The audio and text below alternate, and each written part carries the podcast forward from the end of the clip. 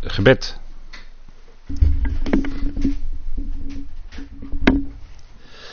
Vader, we danken u dat we ook vanavond weer bij elkaar mogen zijn en dat weer doen met die Filippenzenbrief. Vader, dank u wel dat u ons daarin wilt leiden, wijsheid wil geven. Dank u wel dat u ons samenbrengt en dat we, Vader, verlangend zijn om te horen wat uw woord ons te zeggen heeft. Mag het zijn tot opbouw van het lichaam van Christus, tot opbouw van ons geloof. En Vader, mag het bovenal zijn tot lof en eer van uw naam. En dank u wel dat u ons verdiept en ook vanavond in het horen en in het spreken wijsheid wil geven. Een luisterend hart. Vader, opdat we die woorden mogen opzamelen en bewaren in ons hart. We danken u dat we naar u mogen opzien, Vader, in alle omstandigheden. U weet wat nodig is. Dank u wel dat we door u geroepenen zijn.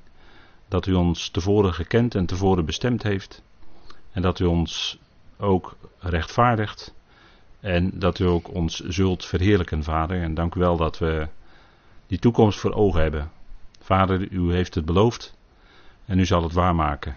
We danken u daarvoor en zo danken u ook voor deze avond die u geeft. Vader, het is volledig in uw hand. We danken u daarvoor. In de machtige naam van uw geliefde zoon. Amen. Goed, wij uh, lezen met elkaar het bekende stukje weer uit de Filippense brief. En dat is uh, vanaf vers 4. En dan lees ik een stukje tot en met zo vers 13. Laat ieder niet alleen letten op zijn eigen belangen, maar ook op die van ieder ander. Laat immers deze gezindheid in jullie zijn, die ook in Christus Jezus is, die in de vorm van God die hem eigen is, het aan God gelijk zijn geen roof acht. Niettemin maakt hij zichzelf leeg en neemt de vorm van slaaf aan. In de gelijkenis van de mens geworden en in de gedaante als mens bevonden, verootmoedigt hij zichzelf, gehoorzaam wordend tot aan de dood, ja, de dood van het kruis. Daarom ook verhoogt God hem uitermate en schenkt hem in genade de naam die is boven alle naam, opdat in de naam van Jezus zich alle knie buigt van de hemelingen en van hen die op aarde en van hen die onder de aarde zijn, en alle tong van harte beleidt, Heer is Jezus Christus, tot verheerlijking van God de Vader. Daarom, mijn geliefden, zoals jullie altijd gehoorzamen, niet alleen bij mijn aanwezigheid, maar nu veel meer bij mijn afwezigheid, werk je eigen redding met vrees en beven uit, want God is het, die in jullie zowel het willen als het werken voor zijn welbehagen bewerkt. Tot zover.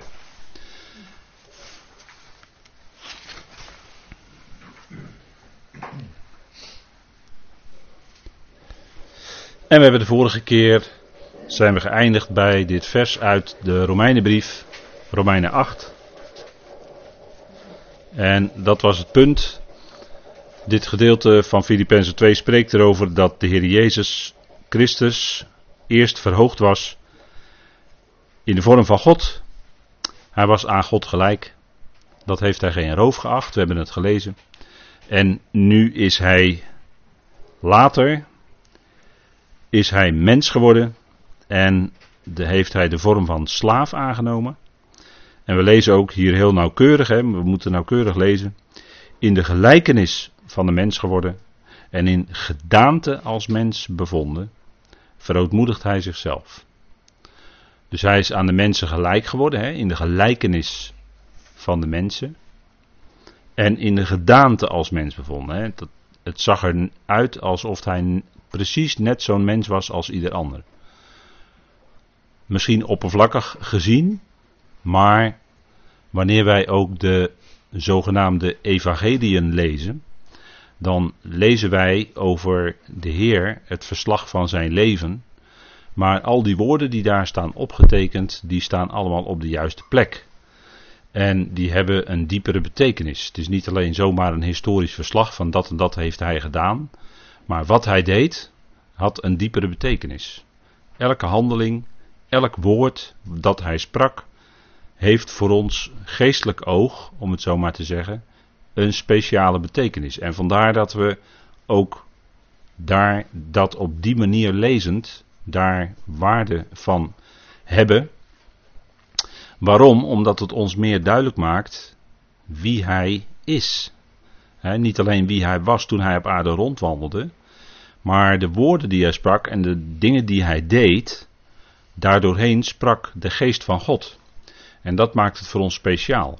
want al de schrift is voor ons tot lering opgeschreven. En daarom zouden wij ook de schrift op die manier lezen. En naarmate je langer de schrift leest, ik denk dat u misschien ook wel een beetje die ervaring heeft, ga je steeds meer afvragen van wat ik nu lees, waarom staat dat er eigenlijk? En wat heeft dat, waar zit, uh, waar zit dan de betekenis voor uh, die ik eruit kan halen, de geestelijke betekenis, de geestelijke waarde? En naarmate je de Bijbel langer leest, in de loop van de jaren, ga je dat dan steeds meer begrijpen en ben je ook steeds meer geneigd om dieper te kijken dan alleen wat je misschien op de zonneschool hebt geleerd of in de verhalen weet. Maar als je leest, dan krijgt alles toch zo zijn diepere betekenis. En dat heeft het zeker. Paulus, die mocht als enige apostel het diepst en het verst kijken. Dat is nou eenmaal door de Heer zo ingesteld dat hij daarvoor geroepen was. Hij keek verder dan de andere apostelen.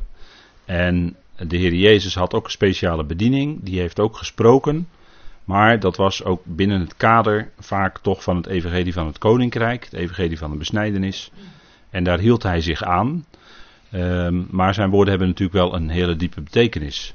Als we kijken naar het plan van God, dan mocht Paulus, en dat is eigenlijk Christus Jezus die spreekt via Paulus, uh, mocht Paulus bekendmaken de uiterste rijkwijde van de verzoening, de uiterste, uiterste uh, diepten van Gods liefde en het plan ook het einddoel van God waar God naartoe aan het werken is. En Paulus geeft volle duidelijkheid.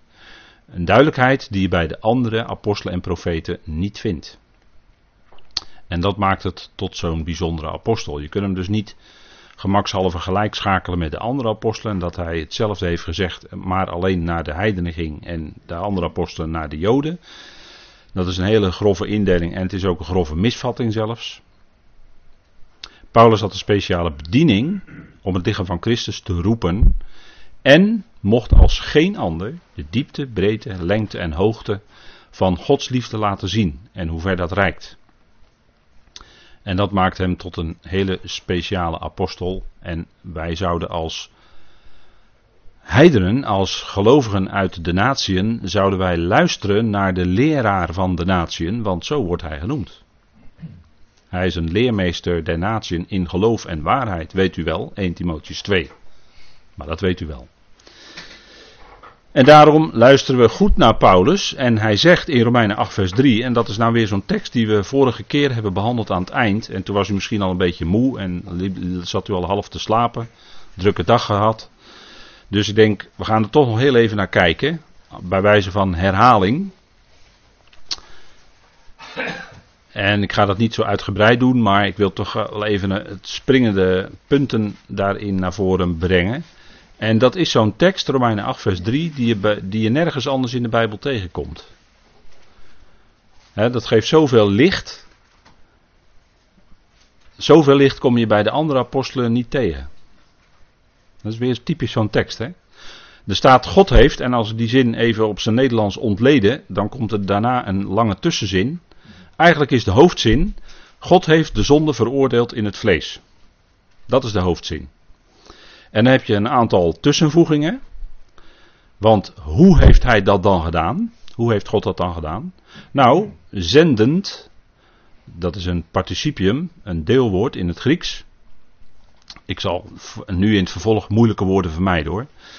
Uh, een deelwoord in het Grieks zendend zijn eigen zoon in de gelijkenis van het vlees van de zonde en betreffende de zonde. Kijk, dat is gebeurd. En wie is hier de handelende? Wie is hier de werkende? Dat is God. Spelen wij als mensen hier een rol in? Nee, in het geheel niet. Hier worden wij als mensen niet genoemd, hè? Dus die hele zonde, die is weggedaan en veroordeeld in het vlees, dat hebben wij dus als mensen niet kunnen bewerken. Punt. Wie heeft dat dan wel bewerkt? God. Hoe? Door zijn zoon. En dan heb je evangelie hoor. Dan heb je evangelie. Daar begint Romeinen mee. Hè? Het evangelie van God aangaande zijn zoon, Jezus Christus onze Heer. Dan heb je het gelijk het evangelie gehad. God en zijn zoon, die handelen.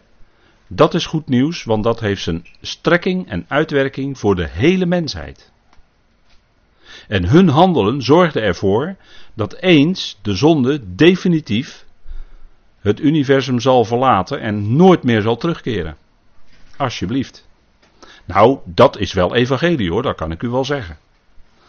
Nou, God heeft zendend zijn eigen zoon in, let op hè, in de gelijkenis van het vlees. Van de zonde. Dus hij was geen zondaar. Nee, hij kwam in de gelijkenis van het vlees van de zonde. Van een afstandje leek het net alsof hij precies eender was als ieder ander. Maar als we inzoomen via Gods woord op wat hij werkelijk deed en niet deed, nou, wat hij niet deed was zondigen. En wat hij wel deed was goed doen aan allen, daar getuigen de apostelen van. Hè. Hij deed goed aan allen, hij genas allen bij gelegenheid die op hem afkwamen. En hij heeft in zijn wandel, want het is betreffende de zonde. Dus de zoon is gekomen in de gelijkenis van het vlees van de zonde en dat betrof de zonde. Heeft hij de zonde veroordeeld in het vlees. Dus door zijn vlekkeloze wandel veroordeelde hij in feite al die andere zondaren. Maar hij heeft ze ook verlost door zelf aan het kruis te gaan en daar tot zonde gemaakt te worden. En zo deed God de zonde weg. Zie het lam van God dat de zonde van de wereld wegdraagt. Zonde enkelvoud, hè, daar, Johannes 1 vers 29. Zonde is daar enkelvoud. Dat is heel belangrijk. Omdat daar gezegd wordt dat dus dat lam dat tevoren gekend was voor de nederwerping van de wereld. En dat vanaf de nederwerping van de wereld geslacht was dat dat lam de zonde wegdraagt, wegneemt. Dus met het offeren, om het zo maar te zeggen, van dat lam werd de zonde weggedaan. Zo heeft God het probleem, en dan tussen aanhalingstekens probleem, want in alle allerdiepste zin was het geen probleem hoor, maar er moest wel iets mee gebeuren en er moest wel iets getoond worden. Wat moest dan getoond worden? A. Gods liefde. B. Gods gerechtigheid. Want het evangelie getuigt van Gods rechtvaardigheid.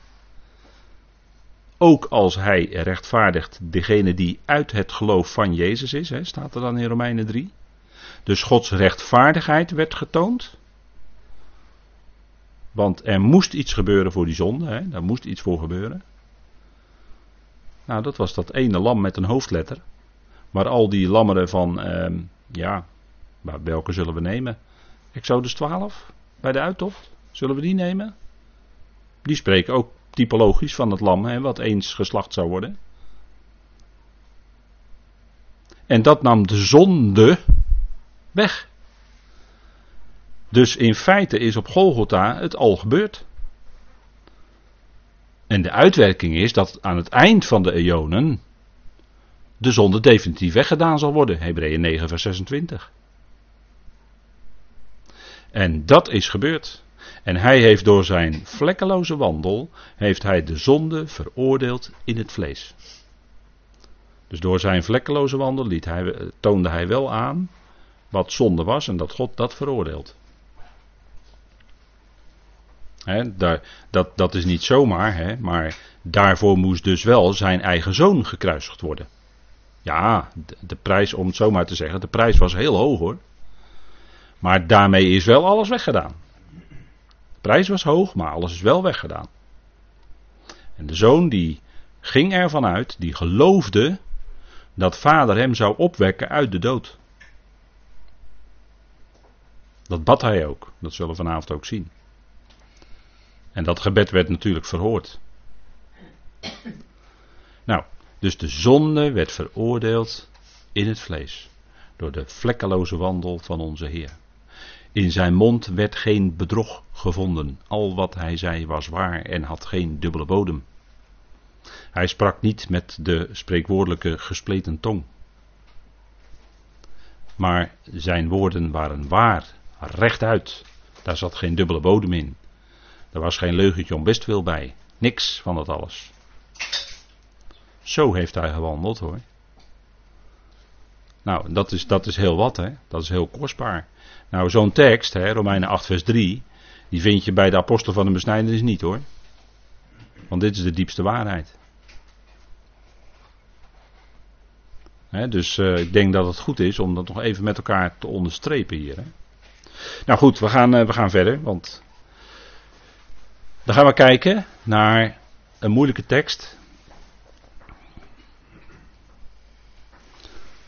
Die vanuit uh, drie-eenheidsgedachte anders wordt vertaald.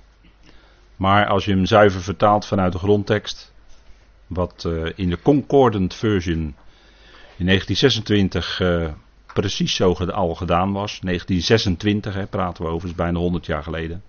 Lag Concordant Literal New Testament lag op tafel. Hè. Als een zeer betrouwbare vertaling, waar je zo kan teruggrijpen naar de grondtekst. Het Grieks. En men weet dat wel hoor, men weet dit wel. In het begin was het woord, Johannes 1, vers 1 en 2. Hè? In het begin was het woord, en als u in uw vertaling kijkt, wordt het anders vertaald. Maar we gaan nu kijken wat er eigenlijk staat. En dan komen we wel dichtbij hoor. In het begin was het woord, en het woord was naar God toe.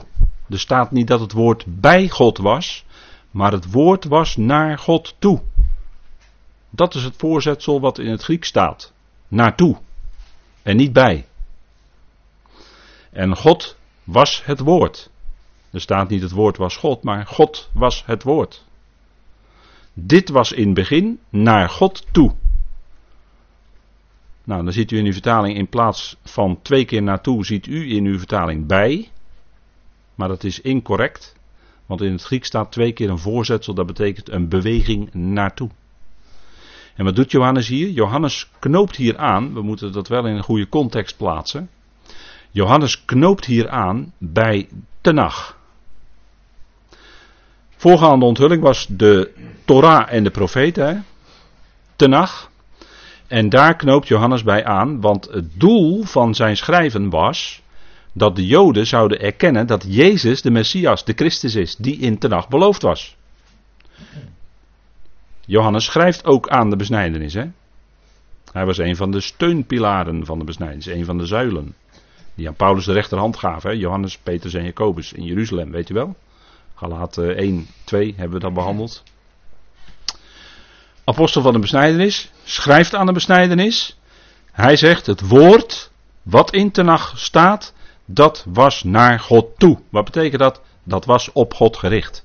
Dat richtte de luisteraar op God. Hoor Israël, hoor, de Heere uw God is Echad. Eén. Er is ook maar één God, hè? Monotheïsme. Eén God. En dat woord dat gesproken werd, dat richtte de luisteraar op God. Dat was de functie. Dat was dabar, dat weet u wel hè. Dabar is een woord, maar dat is ook een daad. Bij God is een woord tegelijkertijd ook een daad. Als God een woord spreekt, dan is dat, houdt een belofte in zich, dat is profetisch en het zal in de toekomst ook een keer vervuld worden, zal in de toekomst ook een keer gedaan worden. Dabar, bekend hè. Nou, dat woord richtte de luisteraar op God. Vandaar dat het woord naar God toe was, was op God gericht. Het onthulde iets over God. Elke keer als iets geopenbaard werd, onthuld werd door die woorden, door de profeten, dan liet dat iets zien over God en richtte de luisteraar op God. En God was het woord. Wat betekent dat? Dat is een vergelijking. Dat is geen letterlijke waarheid, maar dat is een vergelijking. Je moet eigenlijk dat woordje als dan invoegen. Hè? God was als het woord. De mensen konden iets van God vernemen. Hoe? Doordat hij sprak. Maar hij is volgens de oude Joodse, wat moet ik zeggen, leraren, is hij de, eigenlijk de onkenbare, dat noemen de kabbalisten de Ensof, de onkenbare. Hij is geest, dus hij is per definitie dan onzichtbaar en onhoorbaar. Maar hij maakte zich hoorbaar via zijn boodschappers. Via zijn malak. Dat is het Hebreeuwse woord voor boodschapper.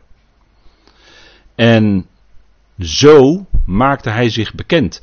En kwam hij zo door zijn woorden naar de mensen toe. En voor die mensen, zij konden God waarnemen door het woord. Vandaar, dat is de betekenis eigenlijk van die uitspraak hier.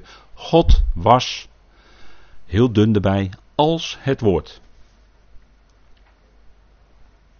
Ja, ik hoop dat u eh, dit kan volgen.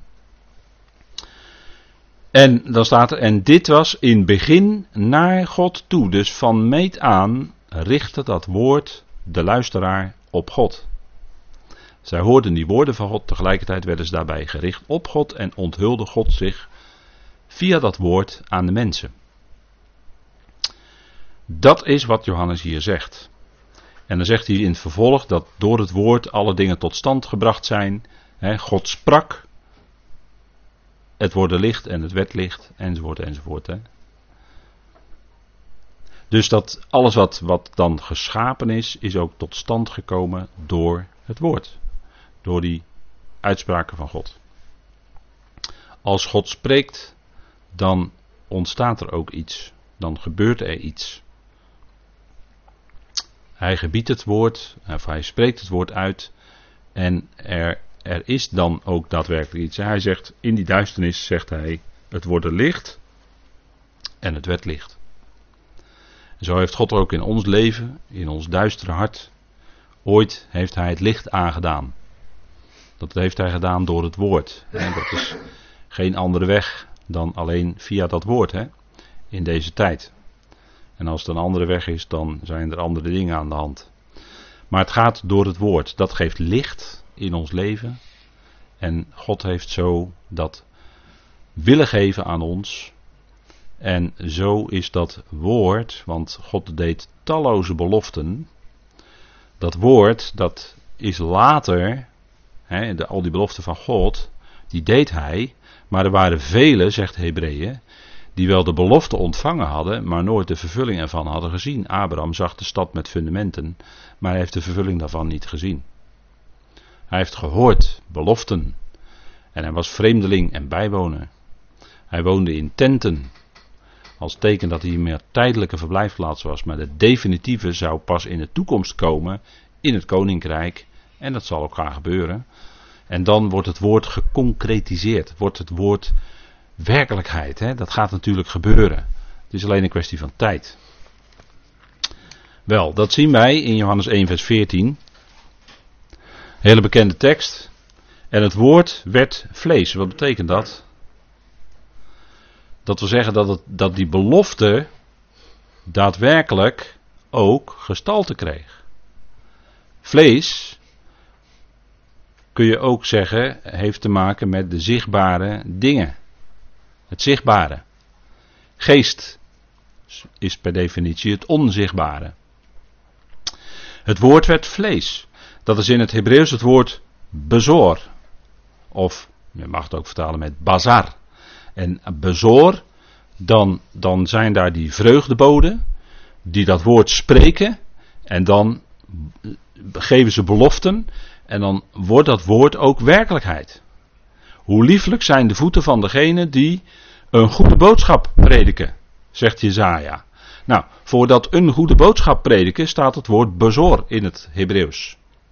Dat is dus, en maar dat woord, dat is het aardige van het woord. Dat woord bazar of bezor betekent ook vlees. Daar zit dus een dubbele betekenis in. Dus niet alleen een goede boodschap, maar tegelijkertijd betekent het ook vlees.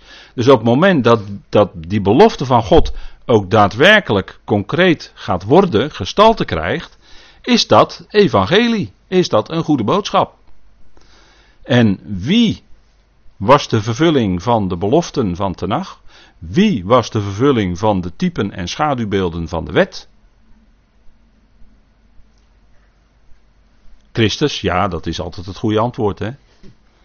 Dat is altijd het goede antwoord. Ja, Christus. En dat woord werd dus vlees, want Johannes zegt, hij tabernakelde onder ons, mooi woord hoor. Skenoo staat er dan in het Grieks.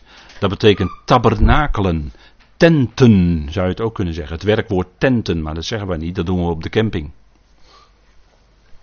Hè?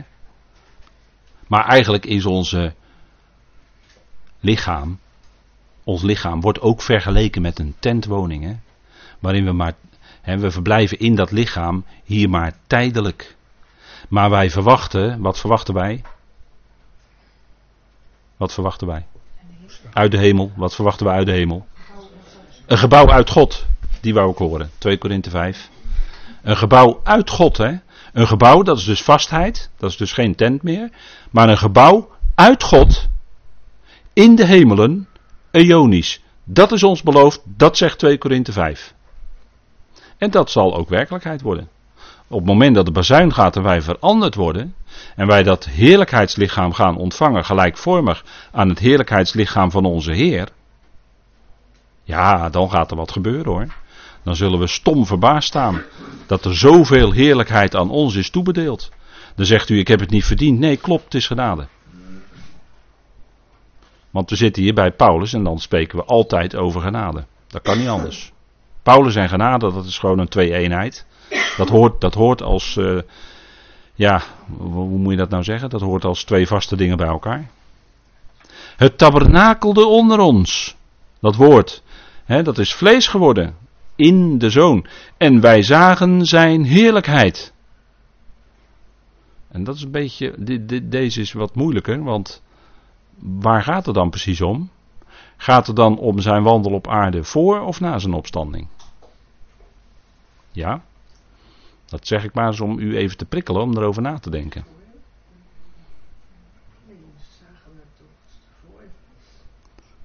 We zagen zijn heerlijkheid. Voor de ja, de verheerlijking op de berg. Dus daarvoor, in ieder geval voor de opstanding, was het even te zien. Hè, maar dat was een visioen eigenlijk van in het koninkrijk. Hè, dat de Heer sprak met uh, Mozes, geloof ik. En Elia, toch? Mozes en Elia, ja. De wet en de profeten. Zijn heerlijkheid, dus er was al iets van te zien voordat hij opstond uit de dood. Maar veel meer was daarvan te zien nadat hij was opgewekt uit de dood. Toen was er veel meer heerlijkheid te zien. Jezaja zegt toch dat toen hij op aarde rondwandelde, hij gedaante nog heerlijkheid had. Jezaja 53. Ja, vandaag dagtekst hè, in uw dagstukje. Jezaja 53. Hij had gedaante nog heerlijkheid. Dus die, die heerlijkheid, die werd maar sporadisch voor zijn opstanding iets van zichtbaar en dan nog voor zijn enkele van zijn discipelen. En voor het geestelijk oog was er wel heerlijkheid te zien in de dingen die hij deed en de dingen die hij sprak. Want zij waren verbaasd, ze waren bijna zou ik willen zeggen verbijsterd over wat hij leerde en hoe hij leerde. Ze waren verbaasd over zijn manier van onderwijs geven. De schriftgeleerde fariseeën in de tempel waren verbaasd over de twaalfjarige Jezus in de tempel. Verbaasd over zijn verstand en de vragen die hij stelde. Nou, een heerlijkheid als van de enige geborene van de Vader, vol van genade en waarheid. Daar sprak de nacht wel van, hoor, van genade en waarheid. Maar hier was er een gekomen die werkelijk zelf vol was van genade en waarheid. En de woorden die hij sprak, die spraken ook genade en waarheid. Hij was zelf de waarheid in persoon. Pilatus die wies zijn handen in onschuld en die zei, wat is waarheid? Die stond voor hem. Stond voor hem, de Jezus. Die kon zeggen van zichzelf, ik ben de weg, de waarheid en het leven. Jawel, zo is het. Hij was vol van genade, staat voorop, en waarheid. En die volle overstijgende rijkdom van zijn genade maakt hij pas via Paulus bekend. Maar toen hij op aarde rondwandelde, was hij zelf wel vol van genade en waarheid. En hij veroordeelde niemand. Heeft u wel eens opgelet? Als u de Evangelie leest. Daarom begon ik de inleiding vanavond ermee. Heeft u wel eens opgelet dat hij nooit iemand veroordeelde toen hij op aarde rondwandelde? Gaat maar na. Hij sprak wel striemende woorden hoor tegen de schriftgeleerde fariseeën. Dat waren striemende woorden, hè? Matthäus 23. Als hij met ze in discussie was. Maar hij, hij kon heel goed van repliek dienen hoor. Nou en of. En toch was hij vol van genade en waarheid. Maar hij kon er niet tegen als het woord van vader ontkracht werd door de traditie. Dat deden de Joden. De schriftgeleerden en fariseeën. De traditie. Achten zij belangrijker. In de praktijk achten zij dat belangrijker dan het woord. En dan werd hij furieus. Ja, ja. En toch was hij vol van genade en waarheid hoor. Maar hij kon er niet tegen als de waarheid van het woord geweld aan werd gedaan. Dan werd hij vlijmscherp. Dan werd de woorden die uit zijn mond kwamen als gelijk aan een tweesnijdend scherp zwaard. En u weet wat dat doet, hè? Dat scheidt van een ziel en geest. En feilloos liet hij zien bij de fariseeën en schriftgeleerden waar het zat, hè? Hun ziel en hun geest, dat werd van elkaar gescheiden door dat woord. Trok daar dwars doorheen. Dat liet dat zien. Kijk, Johannes, die zei nog meer van hem in het volgende vers. Wat een vers is wat misschien wat minder vaak gelezen wordt dan vers 14. Maar er staat, Johannes getuigt van hem en riep, hij was het van wie ik zei, hij die na mij komt is voor mij, en heb ik tussen haakjes achtergezet aangezicht, omdat het eigenlijk de bedoeling is van het woordje voor wat er staat. In het Nederlands kunnen we dat uh, soms moeilijk onderscheiden. Maar als iemand anders voor jou is, dan is dat ook tegelijkertijd voor jouw aangezicht. Een andere persoon die voor jou staat, die staat tegelijkertijd voor jouw aangezicht. Dat is eigenlijk wat de bedoeling is van het woord wat daar staat. dus hij zag de Heer Jezus, Johannes, en dan zei hij, hij is voor mijn aangezicht, maar dan komt het, want hij was eerst, en tussen haakjes de gedachte is dan, voor mij. En dan is het in de tijd gerekend. Hij was eerst voor mij. En dat is bijzonder omdat de Jezus later geboren werd dan Johannes. Want u weet nog wel dat Maria bij Elisabeth kwam. En toen sprong dat kindje in de buik van Elisabeth op van vreugde, want daar kwam de moeder, de aanstaande moeder van de Heer Jezus. Maar Elisabeth die beviel eerder van Johannes dan dat Maria beviel van de Heer Jezus. Dus in die zin kwam Johannes eerst. Maar, hij zegt hier, hij met een hoofdletter was eerst. Dus de Heer Jezus kwam eerst in de tijd gerekend. En Johannes, dat was ook een ootmoedig mens, want die zei, hij moet wassen, dat is een ouderwets woord voor groeien. Hij moet groeien en ik moet minder worden, weet u wel? Hij moet wassen, hij moet groeien en ik moet minder worden. Ik ben zelfs niet waard ook maar een schoenriem van zijn sandaal vast te maken. Kijk, dat is de ootmoedigheid van Johannes hè, ten opzichte van de Heer Jezus. Hoewel de Heer Jezus van Johannes zei dat hij groter was dan de profeten van Tenach. Ja. Dus dat wil zeggen dat de Heer Jezus ver boven alles uit de grootste profeet is. En dat laat zien dat Johannes, aan Johannes het bekend was gemaakt. Hoe? Door de geest. Dat wist hij natuurlijk niet uit zichzelf. Dat had hij niet voor gestudeerd. Maar dat wist hij door de geest. Hè? Net zoals Petrus kon zeggen, door de geest geleid. Deze is de Christus, de zoon van de levende God. Dan zei de Heer tegen hem: Zalig ben je, Petrus, gelukkig ben je, want vlees en bloed heeft je dat niet geopenbaard, maar mijn Vader die in de hemel is. Hij wist het door de geest. Petrus. En anders had hij die beleidenis nooit kunnen uitspreken. Anders zat zijn, zijn ziel en zijn vlees hopeloos in de weg. Had hij het nooit kunnen zien.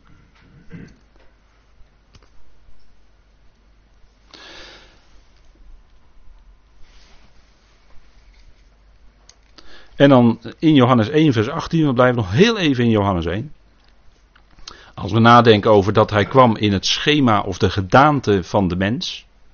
Hè, om te traceren dat hij mens was, maar dan wel heel bijzonder. Niemand heeft ooit God gezien. De enige geboren God, die in de schoot van de Vader is, die heeft hem ons verklaard. Dat is wel heel bijzonder, hè, wat hier staat. In uw vertaling staat waarschijnlijk de enige geboren zoon. Maar de beste handschriften, die hebben de enige geboren God. He. Dus hij is de enig geboren. Hè, in dat woord geboren, daar zit worden in. Dat is ontleend aan het woord worden. Dat is eigenlijk de grondbegrip. De enig geworden God. Dat, is nooit, dat kan nooit de Allerhoogste zijn. Want vader was er altijd al. Vader heeft nooit een begin gehad. Hij heeft ook geen einde in de tijd gerekend. En wij moeten dan zeggen tegen elkaar in de tijd gerekend, omdat wij hele beperkte mensen zijn in ruimte en in tijd, weet u wel. Dus dan moeten we het zo zeggen, om proberen dat iets daarvan te begrijpen. Iets, hè, want ja, als je er echt over na gaat denken, begrijp je er helemaal niks van. Maar vader heeft geen begin, is altijd al geweest. Dat is die ene God waar ik het net over had, Echat. Monotheïstisch zijn we. Er is maar één God. Absoluut, hè? Boven alles uit, de Allerhoogste. Dat is er maar één. En dan zijn er wel lager in rang, afgeleid daarvan ook goden, maar dat zijn plaatsers of onderschikkers op een lager niveau. Dus in relatieve zin, om het zo maar te zeggen. Niet absoluut, maar relatief. En dat geldt voor de Heer Jezus, en dat wordt hier bedoeld. De enige geboren God, de enig voortgebrachte, de enig geworden God, dat wordt van de Heer Jezus gezegd. Die dus bij gelegenheid ook in de toekomst zal optreden namens God. Hij zal God representeren en in die zin is hij dan God. Die in de schoot van de Vader is. dat lijkt bijna een enigmatische uitspraak. He, dat een bijna onbegrijpelijke uitspraak. Als je het zo op het eerste gezicht leest. Daarom moet je daar toch wat over gelezen hebben en met elkaar vergeleken hebben, teksten. de enige geboren God die in de schoot van de Vader is, die heeft ons verklaard. Wat heeft hij ons verklaard? Nou, die heeft verklaard wie Vader is. Want hij zei dat later toch? Wie mij gezien heeft, heeft de Vader gezien. Johannes 14. He, zitten we 13 hoofdstukken verder. He, dan zei hij tegen uh, zijn discipelen van, ja, wie mij gezien heeft, heeft de Vader gezien. Hij liet zien wie Vader is. Die heeft hem ons verklaard, hè, zegt Johannes dan. Door al wat hij deed. Want in Johannes worden een aantal wonderen van de Heer Jezus beschreven, die tegelijkertijd ook tekenen zijn. Hè? Want als de Heer een wonder deed, dan was het tegelijkertijd ook een teken. Kijk, als we de eerste heel even aantippen, dan was dat bruiloft in Cana. En wat is dat? Wat is dat voor een teken? Dat is het teken dat de Heer zelf later in het huwelijk zal treden met zijn volk. Wat het oude verbond had verbroken, maar wat met hem zal komen in een nieuw verbond. Er zal dus een nieuwe huwelijkssluiting gaan plaatsvinden. Dat is de komende duizend jaar. En dan is Israël de bruid. Dat is nooit de gemeente. Dat is nooit de bruid. Kan niet, onmogelijk. Staat nergens in de Bijbel. Israël is de bruid van Yahweh. Dat is wat de schriften laten zien. En anders is het niet. En de gemeente is het lichaam van Christus. Dat is heel wat anders. maar daar hebben we wel een keer uitvoerig met elkaar over gesproken in een recent verleden. Dus dan kunt u die banden nog eens naluisteren. Of die banden niet, die mp3'tjes kunt u, tegenwoordig moet ik mp3'tjes zeggen. Hè, cassettebandjes, dat kennen we niet meer eigenlijk. Dan kunt u die mp3'tjes nog eens naluisteren. Nou, hij heeft hem ons verklaard. Het eerste teken wat hij deed, de bruiloft in Cana. Hij veranderde water in wijn. Prachtig hè? En dat doet hij ook in ons. Want die kruiken, die vaten die daar stonden, eh, dat is ook, ja, dat zitten meerdere, zitten meerdere betekenissen in. Maar dus onder andere, dat zijn wij, hè? wij zijn aardenvaten. En hij schenkt in ons dan dat water van het woord. En dat wordt in ons door de werking van zijn geest tot wijn, namelijk tot vreugde. Want er staat toch in Efeze of in Colossense. De geest of het woord van Christus wonen rijkelijk in jullie. En dat is je bron van vreugde. Dan heb je vreugde, dan heb je blijvende vreugde. Want weet u wat het woord is? Dat is het woord van genade. Dat is niet het woord van veroordeling. Maar het woord van genade. Dus dan heb je blijvende vreugde als je dat woord van genade indringt.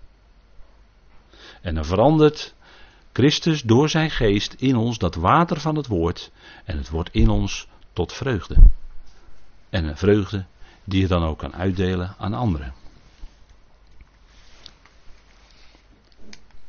Dan gaan we verder met het volgende punt, wat Paulus noemt in Filippenzen 2, vers 8. Daar staat, eh, hij, werd, hij, was dus als, als eh, hij was in de gelijkenis van de mens geworden en in een gedaante, dat is in een schema van de mens bevonden. En dan staat er, verootmoedigt hij zichzelf. En dan moeten ze even opletten, in Filippenzen 2 komt twee keer dat woordje zichzelf terug. En dat is allereerst in Filippenzen 2 vers 5, hè, dat heb ik op deze dia, dat is dia nummer 7 van deze presentatie. Heb ik daarboven aangezet. Niettemin maakt hij zichzelf leeg, dat hebben we eerst gezien. Hè. En punt 2 is, en nu, daar zijn we nu aan toe, heeft hij zichzelf verootmoedigd. Dus als het gaat bij Christus om zichzelf, dan is het A, hij maakt zichzelf leeg. En B, heeft hij zichzelf verootmoedigd. Dus dat is twee keer een enorme stap in de verootmoediging, om het zo maar te zeggen. Dat is een stap twee keer omlaag, weet u wel, laag. Weet u wel, hè? Tapijnon. Het woord voor ootmoedigheid. Dat is laag. Letterlijk. Grondbegrip. Dus hij stapte twee keer een enorm stuk omlaag, zou je kunnen zeggen. Wat wil dat dus zeggen? Hij handhaafde zichzelf niet. En wij zouden hem, zegt Paulus, tot voorbeeld nemen. Hè? Volgt mijn voorbeeld na, zoals ook ik Christus navolg. En wat, wat heeft Christus gedaan? Hij stapte omlaag. Dus hij handhaafde zichzelf niet. En oh, wat willen wij als mensen ons vaak handhaven. Och, och, och, jongens, jongens, jongens. Wij willen als mens ons van A tot Z onszelf handhaven. Maar hij deed het niet hoor. Hij handhaafde zichzelf niet.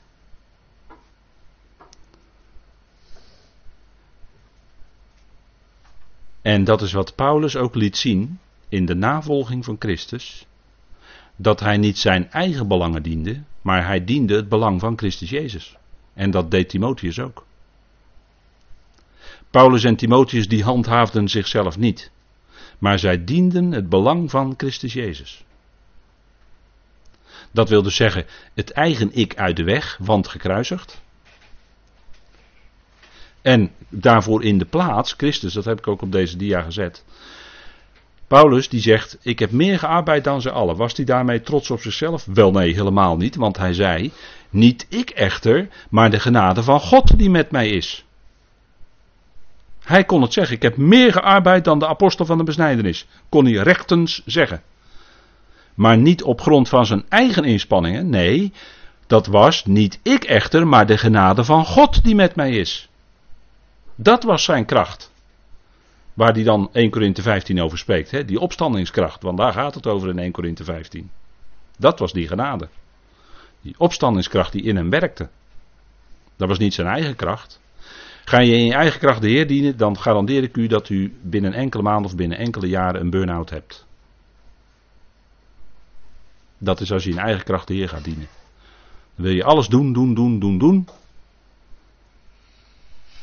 Ik heb ze gezien hoor, die mensen. Ik heb ze gezien in de loop van, van eh, vele jaren heb ik ze gezien. En dan burn-out. Ja. Kan gebeuren. Is verdrietig. Is heel vervelend als het je overkomt. Punt is dat die kracht, de kracht van God, die opstandingskracht, die werkte in Paulus. Die werkte in Timotheus. Die werkt in u, die werkt in mij. Maar als we dingen zelf willen gaan doen, ons eigen belang willen gaan dienen, en zo op die manier eh, denken dat we de Heer dienen, dan is dat incorrect. Het gaat erom dat we de, belang van de Heer op het oog hebben en dat belang willen dienen. En dan zul je ontdekken dat jouw eigen ik dus uit de weg moet. Dat moet weg. Aan de kant. Want Paulus die zegt ook in Galaten 2 vers 20, hebben we met elkaar besproken hè, bij de bespreking van de Galatenbrief. Niet langer ik, dat gaat over het kruis hè, Galaten 2 vers 20, gaat over het kruis. Niet langer ik, in mij echter leeft Christus, want het oude ik was met Christus gekruisigd. Dat is weg. Dat is begraven en zand erover. en dat zouden we niet meer gaan opgraven. Niet langer ik, in mij echter leeft Christus. Dus voor zover ik nu nog leef, zegt hij dan in het vervolg van Galaten 2, leef ik door het geloof, welk geloof? Dat van de Zoon van God. Die zichzelf voor mij overgeeft. Overgeeft, aorist, hè? Dat is dus vandaag. Wat doet Christus vandaag? Gaat, gaat u het maar vragen aan gelovigen. Vraag stellen. Wat doet Christus vandaag? Ik denk dat u bij veel gelovigen dan, dat dan akelig stil blijft. Dat men dat niet goed weet. Helaas, helaas. Maar wat doet hij vandaag? Hij geeft zichzelf over. Voor wie? Allereerst voor zijn God en Vader. En voor de gemeente. Hij geeft zich over voor de gemeente.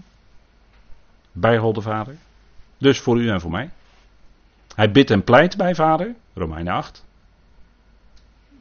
Hij roept de gemeente uit. En hij is bezig de gemeente te voeden, te koesteren en op te bouwen. Dat is het werk van Christus vandaag. Nou, dan heeft u zo al een stuk of vijf punten gehoord, denk ik. Maar gaat u het maar vragen hoor, aan willekeurig gelovigen. Wat is het werk van Christus wat hij nu doet vandaag?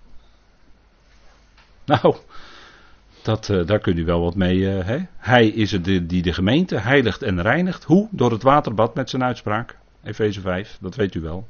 Als ik het zeg, weet u het maar dat is wat, het werk wat hij vandaag de dag doet hoor. En moeten we dan enorm gaan ploeteren en ons inspannen om onszelf te reinigen? Wel nee, dat doet hij door zijn woord. Dat is zijn werk. Zijn werk in u. Door het woord. Daarom hebben we dat woord keihard nodig elke dag. Dat is gewoon je dagelijkse voeding. Daar, net zoals je elke dag water drinkt. Of heet water. Of eh, thee of koffie. Dat is allemaal water eigenlijk. Je drinkt elke dag water.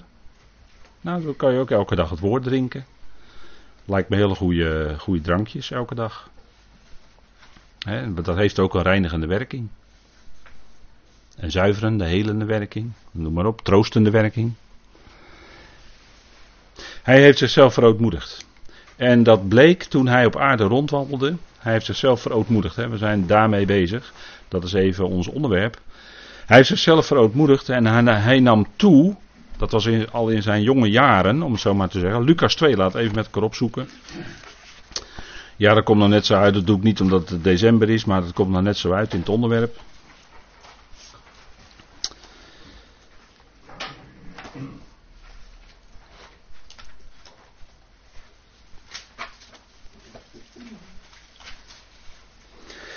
En er staat van de Heer Jezus in Lucas 2, en dan gaat even alleen om een enkel vers hoor.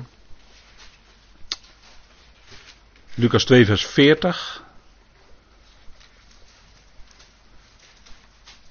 Lucas 2, vers 40. Hij nam toe, staat er dan. En het kind groeide op. Eigenlijk staat er de kleine jongen. En de kleine jongen groeide op. En het werd gesterkt in de geest.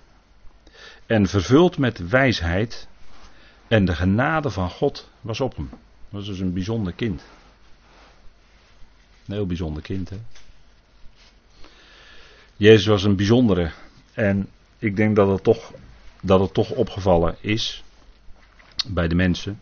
Want daar staat hier, hè, hij werd gesterkt in de geest, vervuld met wijsheid. Dat is ook wel bijzonder, hè. Dat het, die wijsheid, onge, ongetwijfeld heeft hij van jonge jaren af de Tenach gehoord. Is daarmee bezig geweest. Heeft zijn aandacht gehad. En hij werd vervuld met wijsheid. En de genade van God was op hem. En zo kon hij groeien. niet alleen eh, gewone groei, maar vooral geestelijke groei ook. En dat is ook wat we lezen in, uh, vanaf vers 47. de, dan is de twaalfjarige Jezus in de tempel. En dan uh, zat hij daar te midden van die leraren. Laat maar even lezen, vers 46 hè, van Lucas 2. En het gebeurde dat ze hem na drie dagen in de tempel vonden. Aardig hè, na drie dagen in de tempel vonden ze hem. Ja. Paulus die zou dan zeggen, deze dingen hebben een diepere betekenis. Maar goed, dat laten we even liggen voor nu. Terwijl hij te midden van de leraars zat, naar hen luisterde en vragen aan hen stelde. En allen die hem hoorden stonden versteld van zijn verstand en antwoorden. Dus hij bleek over een inzicht in de schrift te bezitten die, die heel bijzonder was voor zijn leeftijd. Hij was twaalf jaar. en sommigen die, die willen dan hier graag inlezen dat hij nu zijn bar mitzwa had, maar dat gebeurt bij 13 jaar. Hè? Nou, hier was hij 12 jaar, dus het was nog niet zijn bar mitzwa. Zoon van het gebod. Hè? Maar dat is pas bij 13 jaar, dus dat was hier nog niet aan de orde. En toen zij hem zagen, vers 48, stonden zij versteld en zijn moeder zei tegen hem: Kind, waarom hebt u ons dit aangezaan? Zie, uw vader en uw moeder Zie, uw vader en ik hebben u met angst gezocht. En hij zei tegen hen: Waarom hebt u mij gezocht? Wist u niet dat ik moet zijn in de dingen van mijn vader? Ja, toen al. En ik had het net over wat is het werk wat de Heer nu doet. Dat lijkt misschien een hele rare sprong die ik nu maak. Maar wat is het werk wat de Heer nu doet? Nou, hij is allereerst bezig met de dingen van zijn vader. Vandaag, ook vandaag, hè? De dingen die wil dat, dat zijn vader wil dat hij doet, dat doet hij nu.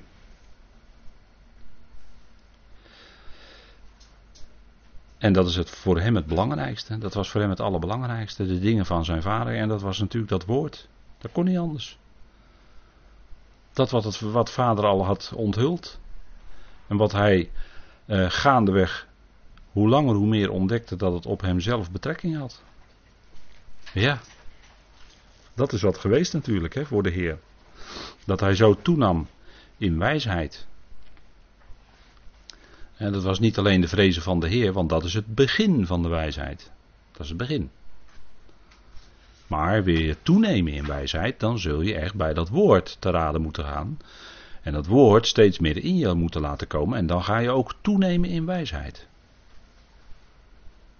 En, en een wijs mens is iemand die niet eerst spreekt en dan pas hoort. Maar een wijs mens is iemand die eerst hoort, het overweegt en dan pas spreekt. Die zonen des donders, die zullen snel gesproken hebben, denk ik? Johannes en Jacobus. Boanerges, weet u wel. Maar ik denk dat er ook discipelen bij waren die eerst hoorden, het overwogen in hun hart en pas daarna spraken. Dat, is, dat getuigt van wijsheid. Nou, hij nam toe in wijsheid en genade bij God en de mensen. Het werd opgemerkt, hè? Het werd opgemerkt bij hem.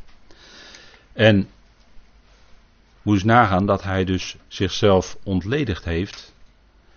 En toen hij dus als mens en later dus ook als volwassene, om het zo maar te zeggen, rondwandelde te midden van zijn volk. Hè, dan zit er een sprong van 18 jaar tussen. Hè, vanaf zijn twaalfde tot en met zijn dertigste staat er eigenlijk heel weinig in de schrift is te bekend. Buiten de Bijbel zijn er wel bronnen. Maar goed, daar ga ik u vanavond niet mee lastigvallen. Maar er zijn wel uh, heel gegronde vermoedens wat hij toen gedaan heeft. Maar goed, dat is allemaal buiten de Bijbel, dus dat is ook een onderwerp voor vanavond niet. Maar er staat, hij werd verzocht, hè, dan springen we even iets verder in Lucas dan moet dus, dat, hij was dus degene die een enorm inzicht had in die schriften. Veel meer dan al zijn tijdgenoten, dus daar stond hij al boven. En niettemin heeft hij toch die wandeling gedaan te midden van zijn volk.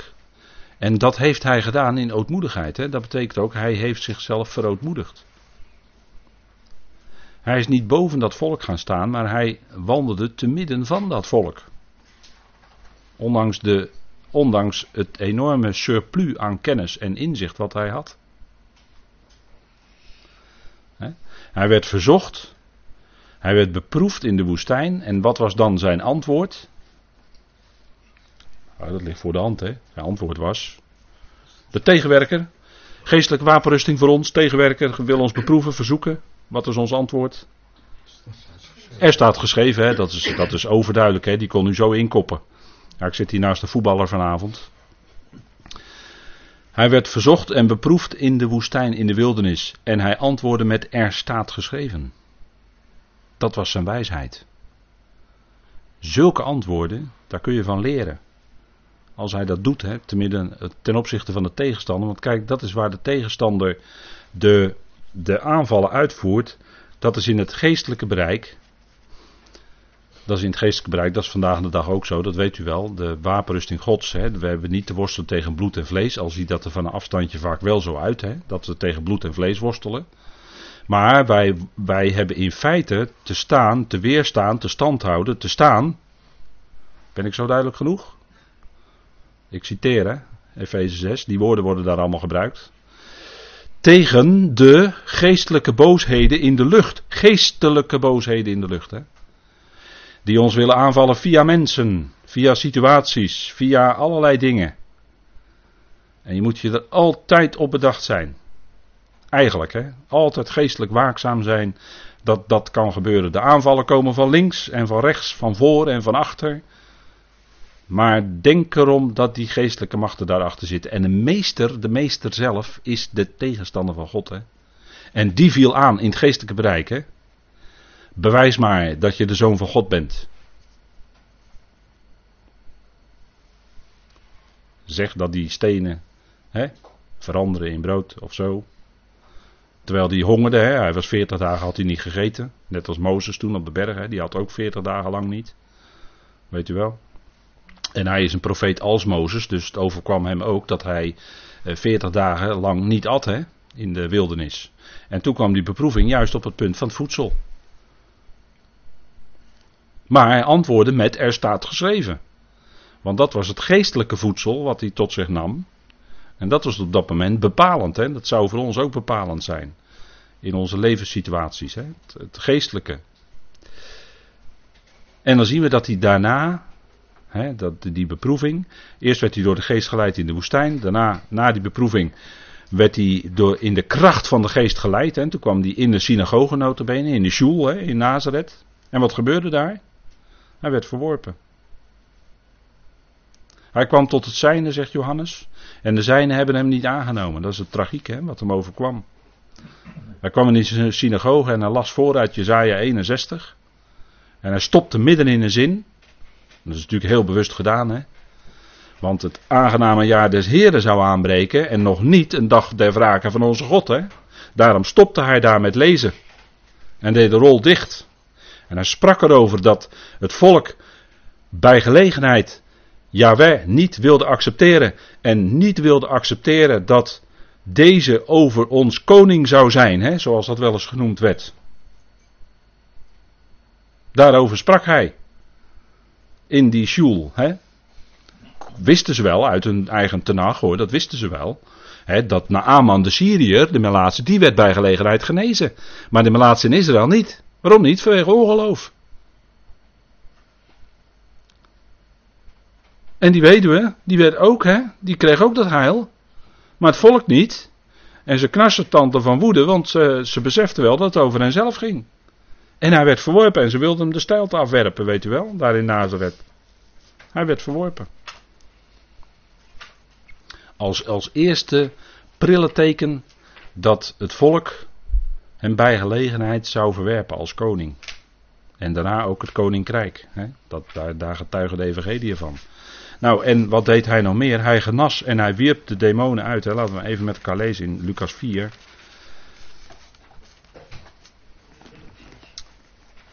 Lucas 4. En daar komt hij dan in een andere shul. Namelijk die van Capernaum. Lucas 4, vers 31. En hij daalde af naar Capernaum, in een stad, een stad in Galilea, en onderwees hen op de Sabbatdagen. En, hij, en zij stonden versteld van zijn onderricht. Ziet u, van zijn onderricht, ziet u het? Ze stonden versteld van zijn onderricht.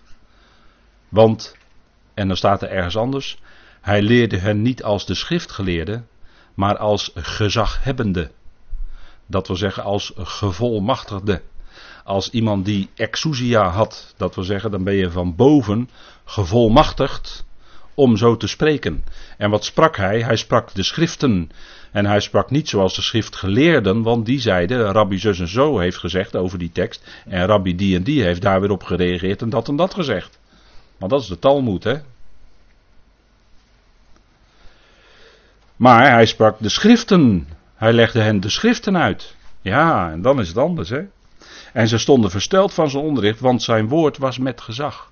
Zijn woord was met volmacht, staat er dan, exousia. Dus hij liet dat woord spreken. En hij legde dat woord uit. En niet alles eromheen wat anderen gezegd hadden. En in de synagoge was een man die een geest van een onreine demon had en die riep met luide stem: Ga weg, wat hebben wij met u te maken, Jezus de Nazarener? Bent u gekomen om ons te gronden te richten? Ik weet wie u bent, de heilige van God. Maar Jezus bestrafte hem en zei: Zwijg, ga uit hem weg. En de demon ging uit hem weg, nadat hij hem in het midden geworpen had, zonder hem in enig opzicht letsel te bezorgen, zegt de arts Lucas. En die kon weten. Dat is typisch zo'n toevoeging dat je kan zien dat het door een arts geschreven is. Maar die demon, u weet wat demonen doen, hè? die zoeken een woonplaats. Die zoeken een woonplaats. En als er één demon uitgeworpen is, en die vindt dat huis dan daarna keurig geveegd en schoon en leeg, dan komt hij later met zeven terug. Dat zei de Heer allemaal, hè? dat zei de Heer allemaal in Matthäus. Maar hier in de shul notabene is er iemand met een geest van een onreine demon. Dus een demon heeft te maken met een onreine geest. Of is een onreine geest. En wat doen gelovigen die afstand nemen van het geloof? Die volgen leringen van demonen. Hè? 1 Timotheus 4 hebben we het een aantal keren geleden met elkaar over gehad. Hè? Dat als een gelovige afstand neemt van het geloof, dan heb je een hele goede kans dat hij terechtkomt bij leringen van demonen. Want het woord demon zelf betekent ook leer. In het Engels teach. Dus die demonen in de regel, die leren ook wat. Maar afwijkend van wat eigenlijk de bedoeling is. En niettemin, omdat het toch geesten zijn, en de geesten in het geestelijke bereik, die weten wel wie hij is hoor. Die weten wel wie de Heer Jezus is. Jawel, want dat zegt hij hier. Hij zegt van de Heer Jezus dat hij de heilige van God is. Klopt, dat is waar. Hij weet het. Dit is hem. Dit is de machthebber in het geestelijke bereik, de Heer Jezus Christus. Zo scherp eh, ligt het hier wel, hè? Zo scherp ligt het hier. En Kijk, dat is wat de tegenstander wil bereiken. Wat wil de tegenstander bereiken? Die wil bereiken dat de mensen zich eh, wel geestelijk eh, naar iets uitstrekken, maar dan eh, daarnaast. En dan heb je een hele goede kans dat je bij demonen terechtkomt. En dat wordt hier geïllustreerd met iemand uit het volk die bezeten was. En in onze tijd kan dat geïllustreerd worden. Dat als mensen, uh, ja, ik noem maar wat, hè, uh, zoeken naar een andere beleving, meer buiten het woord of meer los van het woord, dan heb je een hele goede kans dat ze terechtkomen bij spreken in tongen. Maar dan zijn zij het niet zelf, maar dan is de kans heel groot dat dat spreken in tongen uh, gedaan wordt door demonen die die mens beïnvloeden. Of het is de menselijke eigen geest, dat ze geleerd wordt in samenkomsten, spreek mij maar na. En dan vervolgens kunnen ze spreken in tongen. He, dat zegt degene op het podium zegt dan tegen degene die komt van. Uh, en dan ontdek je van, uh, ja, het lukt, het lukt, bij mij helemaal niet spreken in tongen. En dan zegt degene op het podium, spreek mij maar na. En dan spreek je die na en dan zegt hij, nu kan je spreken in tongen. Dat is waar hoor, wat ik zeg. Dit gebeurt hè. Dit gebeurt hè, dit soort dingen. Of, en dat is, dat is nog ernstiger, dat dat spreken in tongen wordt veroorzaakt door demonen die bij gelegenheid de mens beïnvloeden. En je hebt een hele goede kans dat als je dus in afwijking van het woord je toch gaat uitstrekken naar, ik zeg in afwijking van het woord, je toch gaat uitstrekken naar het spreken in tongen, dat je daarbij terechtkomt. Bij de demonen dus. En ik heb u ook wel eens gezegd dat het bij gelegenheid ook demonen kunnen zijn die zich voordoen als Jezus. En er zijn er heel wat hoor, demonen. Legio, hè? weet u wel? Legio. Er zijn heel wat demonen hoor. Hè, dat is wel, weliswaar wel de laagste categorie van de geestelijke wereld. Maar toch, maar toch, erkennen ze wel degelijk en weten ze wel degelijk wie de Heer Jezus Christus is hoor. Dat is de Heilige van God. En die hoeft maar één woord te spreken en ze moeten daaraan gehoorzamen. Ze moeten dat doen. En hij zegt zwijg. En als hij, als hij zegt zwijg, dan kan die demon vervolgens ook niet meer spreken. Kijk, wat demonen ook bij mensen veroorzaken, bij gelegenheid, en dat hoe weet ik dat? Dat weet ik uit de Evangelie. Is dat als een demon in een mens komt, wat gaat hij dan het eerste doen? Dan gaat hij de luiken dicht doen.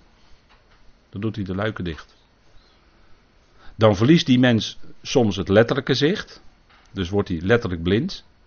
Maar wat, wat, uh, wat hij zeker doet, is ook de mens geestelijk blind maken. Blind maken voor de waarheid van God. Dat is wat ze doen. En bij gelegenheid kan dan iemand ook letterlijk niet meer spreken. Hè? De heer Jezus kwam er zo iemand tegen hè? die een doofstomme geest had. Dus er was een demon die die persoon doof en stom had gemaakt. En hij wierp de demon uit en diegene kon weer horen en spreken. Maar zet dat maar eens over in het geestelijke bereik. Dat als je beïnvloed wordt door demonen, dan wel leerlingen van demonen. Dat je dan doof wordt voor de waarheid. En dus vervolgens ook die waarheid niet meer kan uitspreken. Maar je gaat alles door elkaar halen en je slaat eigenlijk wartaal uit. Dat is wat kan gebeuren. Hè? Nou, laten we maar gauw even pauzeren, want ik zie dat het alweer de hoogste tijd is.